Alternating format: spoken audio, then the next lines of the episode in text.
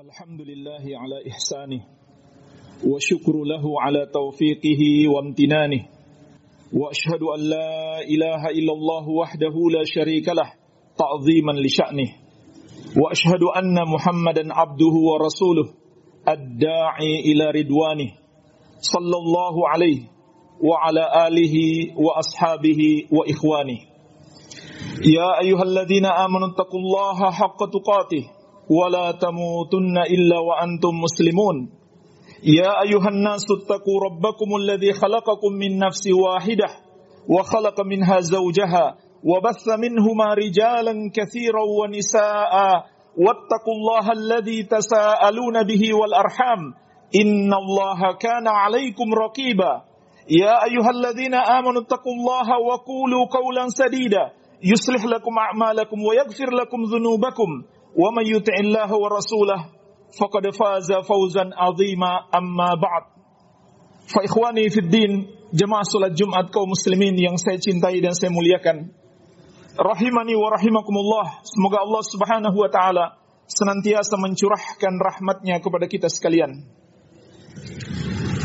di kesempatan yang mulia ini kami ingin mengingatkan salah satu dosa terbesar yang dapat membatalkan keimanan kita, yang dapat menghapuskan keislaman kita, yang menyebabkan kita murtad keluar dari Islam. Walaupun di KTP kita masih tertulis beragama Islam, walaupun kita melakukan sholat, puasa dan zakat, semua itu tidak ada gunanya. Karena Allah tidak menerima amalan orang-orang yang telah batal Islamnya, yang telah hilang imannya, yang telah lenyap tauhidnya. Salah satu dosa terbesar itu jamaah sekalian adalah sihir dan perdukunan. Praktek sihir dan perdukunan adalah dosa yang membatalkan keislaman. Dan inilah yang dilakukan oleh orang-orang Yahudi dahulu. Allah ingatkan dalam Al-Quran, Alam tara ilal ladhina utu nasiban minal kitabi yu'minuna bil jibti wa tagut Tidakkah engkau melihat orang-orang yang telah diberikan anugerah kitab Allah diturunkan kepada mereka Taurat. Awalnya mereka beriman dengan Taurat. Kemudian mereka tinggalkan Taurat, mereka tinggalkan keimanan kepada Allah. Yu'minuna bil jibti wa tagut karena mereka telah beriman kepada ajibit dan at-tagut. Kata Umar bin Khattab radhiyallahu anhu, al-jibit adalah sihir dan tagut adalah setan. Kata sahabat Jabir, tagut itu juga termasuk para dukun. Maka orang-orang Yahudi kata Allah tadinya beriman. Tadinya memiliki ilmu dari Alkitab, dari wahyu yang Allah turunkan.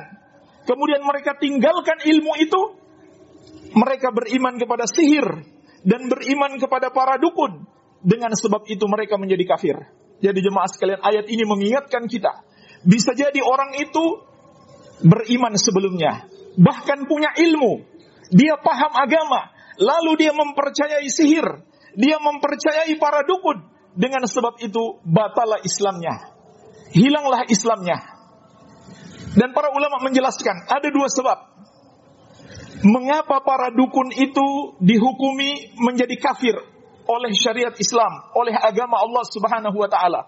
Sebab yang pertama, karena para dukun itu telah menjadi budak setan, menyembah setan, melakukan apa pun yang diinginkan oleh setan supaya mendapatkan pertolongan dari setan-setan itu. Makanya jemaah sekalian, para dukun itu bisa menyakiti orang dari jarak jauh. Bisa membuat berbagai macam keajaiban-keajaiban. Kenapa? Dibantu oleh setan. Dan setan tidak membantu secara gratis. Mereka harus kafir dulu. Mereka harus menjadi budaknya dulu baru dibantu oleh setan. Sebagaimana Allah ingatkan dalam Al-Quran. Wattaba'u ma tatlu syayatinu ala mulki Sulaiman. Dan mereka mengikuti apa yang dibacakan oleh setan-setan terhadap kerajaan Sulaiman. Maksud ayat ini, awal setan-setan menyebarkan perdukunan. Mereka menipu manusia. Mereka mengatakan bahwa perdukunan ini warisan Nabi Sulaiman alaihi salam setan menipu manusia. Maka Allah membantah mereka. Allah membantah setan-setan itu. Wa ma kafara Sulaiman walakinna syayatina kafaru yu'allimuna an-nasa sihra. Kata Allah, Nabi Sulaiman tidaklah kafir. Maksudnya beliau tidak melakukan sihir. Tapi beliau mendapatkan mukjizat dari Allah, bukan sihir. Yang kafir itu kata Allah adalah setan-setan. Yu'allimuna an-nasa sihra. Karena mereka mengajarkan sihir kepada manusia. Oleh karena itu jemaah sekalian, ulama empat madhab dan seluruh ulama Islam, silakan buka semua buku-buku fikih dari empat madhab. Semuanya sepakat, tidak ada perbedaan pendapat. Termasuk penyebab seorang muslim menjadi murtad karena mempelajari sihir atau mengajarkannya atau mempraktekannya. Ini sepakat seluruh ulama. Tidak ada perbedaan pendapat. Dalam buku-buku fikih dari empat mazhab maupun mazhab yang lainnya, semuanya sepakat menghukumi orang yang melakukan sihir atau sekedar mempelajarinya atau mengajarkan kepada orang lain, dia menjadi murtad, kafir, keluar dari Islam. Karena dengan tegas dalam ayat ini kata Allah, setan-setan mengajarkan kekafiran kepada mereka, mengajarkan sihir. Dan ini di antara sebab setan-setan dan para pengikutnya dihukumi kafir oleh syariat. Dan jemaah sekalian, setan-setan itu membantu mereka juga untuk mengetahui hal-hal yang akan terjadi di masa depan. Dan inilah sebab yang kedua. Mengapa tukang sihir itu kafir dalam syariat? Karena mereka mensejajarkan diri mereka dengan Allah yang maha tahu perkara gaib. Padahal Allah telah menegaskan, Kulla ya'lamu man samawati wal ardil ghaiba illallah. Katakanlah, tidak ada satupun makhluk, baik di langit maupun di bumi, yang mengetahui perkara gaib, kecuali Allah subhanahu wa ta'ala.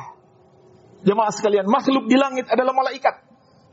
Makhluk di bumi, siapa pun yang tinggal di bumi, termasuk para nabi dan rasul.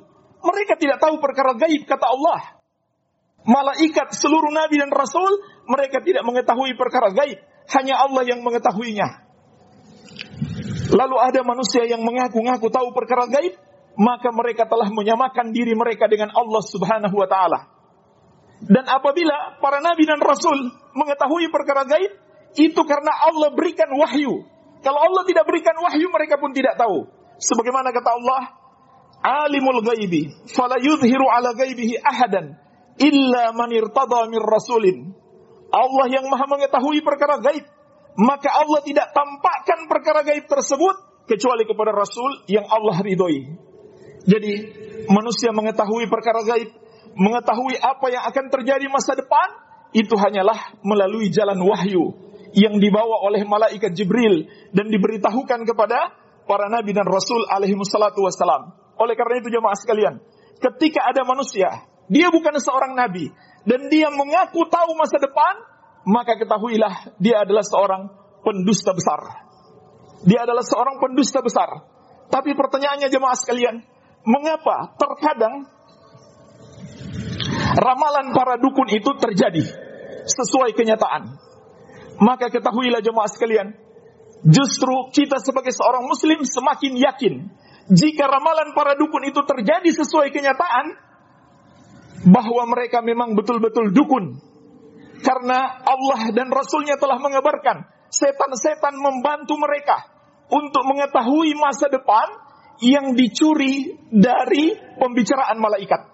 Jadi malaikat-malaikat yang Allah tugaskan untuk melakukan sesuatu di masa depan, lalu para malaikat ini berbicara dan dicuri dengar oleh setan-setan dari kalangan jin, lalu setan-setan itu mendatangi para dukun dan mengabarkan apa yang akan terjadi.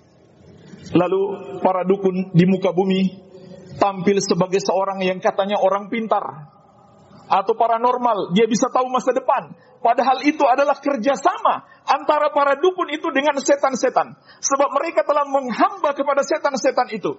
Dalam Al-Quran Allah sebutkan tentang ucapan para jin. Para jin ini dulu mereka kafir, kemudian mereka masuk Islam. Lalu mereka bercerita, Allah sebutkan di surat Al-Jin. Mereka mengatakan, wa anna kunna naq'udu minha maqa'ida lis-sam'i.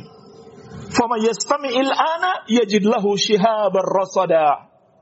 Bahwasanya dahulu kami di masa jahiliyah, di masa sebelum Nabi Shallallahu Alaihi Wasallam diutus, duduk di satu tempat di bawah langit, di atas awan, sebagaimana disebutkan dalam hadis yang sahih.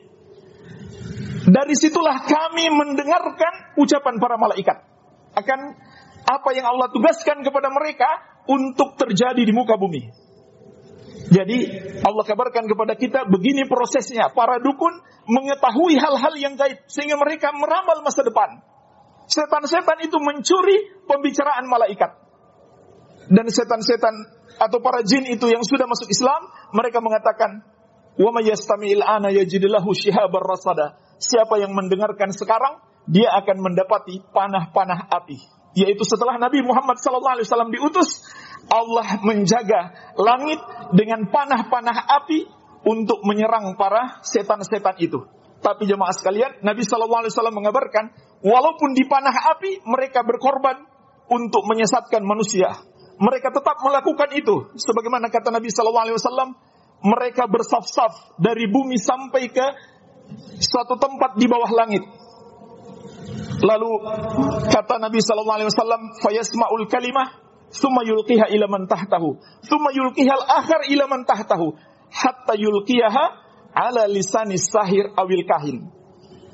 Setan yang paling atasnya, dialah yang mendengarkan pembicaraan malaikat. Lalu dia sampaikan kepada yang ada di bawahnya. Lalu yang di bawahnya menyampaikan lagi kepada yang ada di bawahnya. Terus seperti itu. Sampai akhirnya tiba kepada sahir, tukang sihir, atau kahin, atau dukun, kata Nabi Sallallahu Alaihi Wasallam. Jadi inilah jemaah sekalian proses mereka sok tahu perkara gaib dibantu oleh setan-setan. Tapi manusia yang tidak memahami agama tertipu oleh mereka. Manusia mengatakan karena dia orang pintar jadi dia tahu, karena dia paranormal jadi dia tahu. Bahkan ada yang mengatakan mereka adalah ustadz besar, kiai khas, kiai khusus, padahal mereka adalah teman-teman setan, wali-wali setan, musuh Allah walaupun mereka berjubah, mungkin berjenggot, mungkin berpeci, jangan tertipu jemaah sekalian. Kalau ada orang yang sok tahu perkara gaib, maka dalam syariat namanya adalah dukun. Walaupun di masyarakat dia dipanggil kiai, dipanggil ustadz, dipanggil orang pintar, dipanggil paranormal dan lain-lain. Kemudian kata Nabi sallallahu alaihi wasallam, "Farubbama adraka syihab qabla ayulqiyaha wa rubbama alqaha qabla ayudrikahu." Dan setan-setan itu bisa jadi terkena panah api itu sebelum dia menyampaikan berita yang dicuri dari pembicaraan malaikat. Dan bisa jadi kata Nabi Shallallahu Alaihi Wasallam, dia sudah sampaikan berita itu, baru dia terkena lemparan api. Lihatlah jemaah sekalian, bagaimana setan-setan itu berkorban demi menyesatkan kita. Kemudian kata Nabi Shallallahu Alaihi Wasallam, fayak zibu ma'aha mi'ata kazbatin. Maka para dukun ini dengan bermodal satu berita benar, mereka menambah dengan seratus kedustaan. Perhatikanlah jemaah sekalian, Nabi Shallallahu Alaihi Wasallam mengabarkan kepada kita, manusia yang paling banyak berdusta adalah para dukun. Manusia yang paling suka berbuat dosa adalah para dukun. Karena semakin besar dosanya, semakin kafir dia kepada Allah, dia akan semakin sakti. Setan akan semakin senang untuk membantunya. Semakin dia suka berdusta, berbohong kepada masyarakat, maka setan semakin menyenanginya. Sebagaimana juga kata Allah, hal unabbiukum ala man tanazzalu syayatin? Maukah kalian kata Allah, aku kabarkan kepada siapa setan-setan itu turun? Tanazzalu ala kulli affakin asim. Setan-setan itu turun kepada setiap pendusta besar lagi suka berbuat dosa.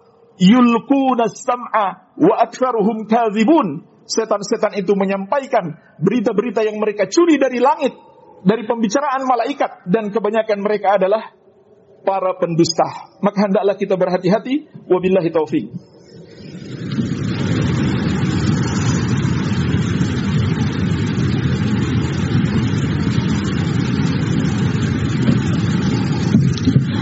Alhamdulillah Wassalatu wassalamu ala rasulillah wa sahbihi wa man walah. Wala hawla wala quwata illa billahi amma ba'd.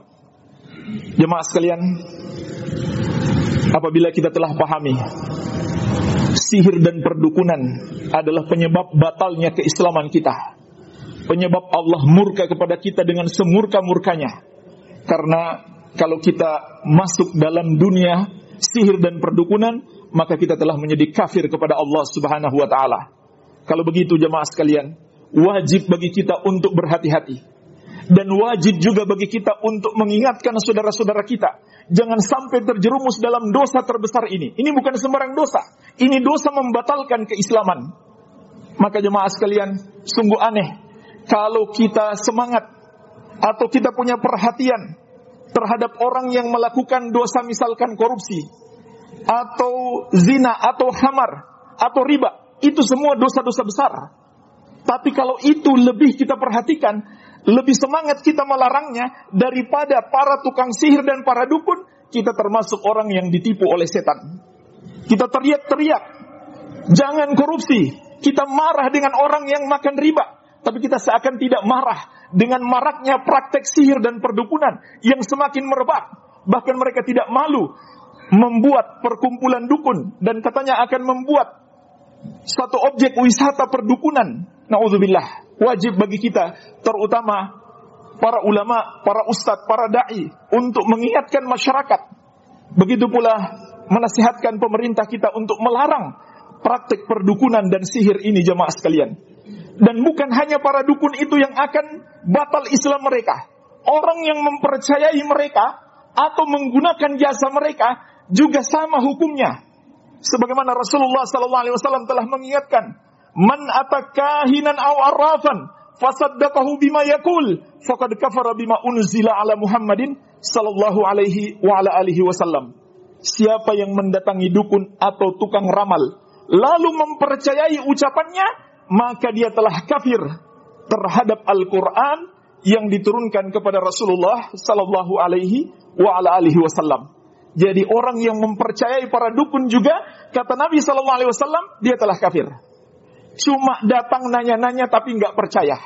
Kata Nabi Sallallahu Alaihi Wasallam, "Man ata kahinan, man ata arrafan, fasa'alahu an syai' lam tuqbalahu salatun arba'ina lailatan." Siapa mendatangi tukang ramal, tukang sihir atau para dukun, lalu bertanya sesuatu, tapi dia nggak percaya, maka tidak diterima sholatnya selama 40 hari 40 malam.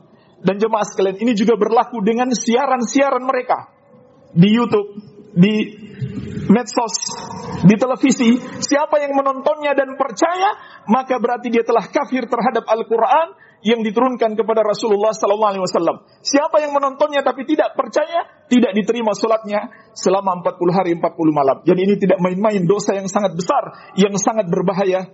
Hendaklah kita berhati-hati dan kita jaga saudara-saudara kita jangan sampai terjerumus di dalamnya.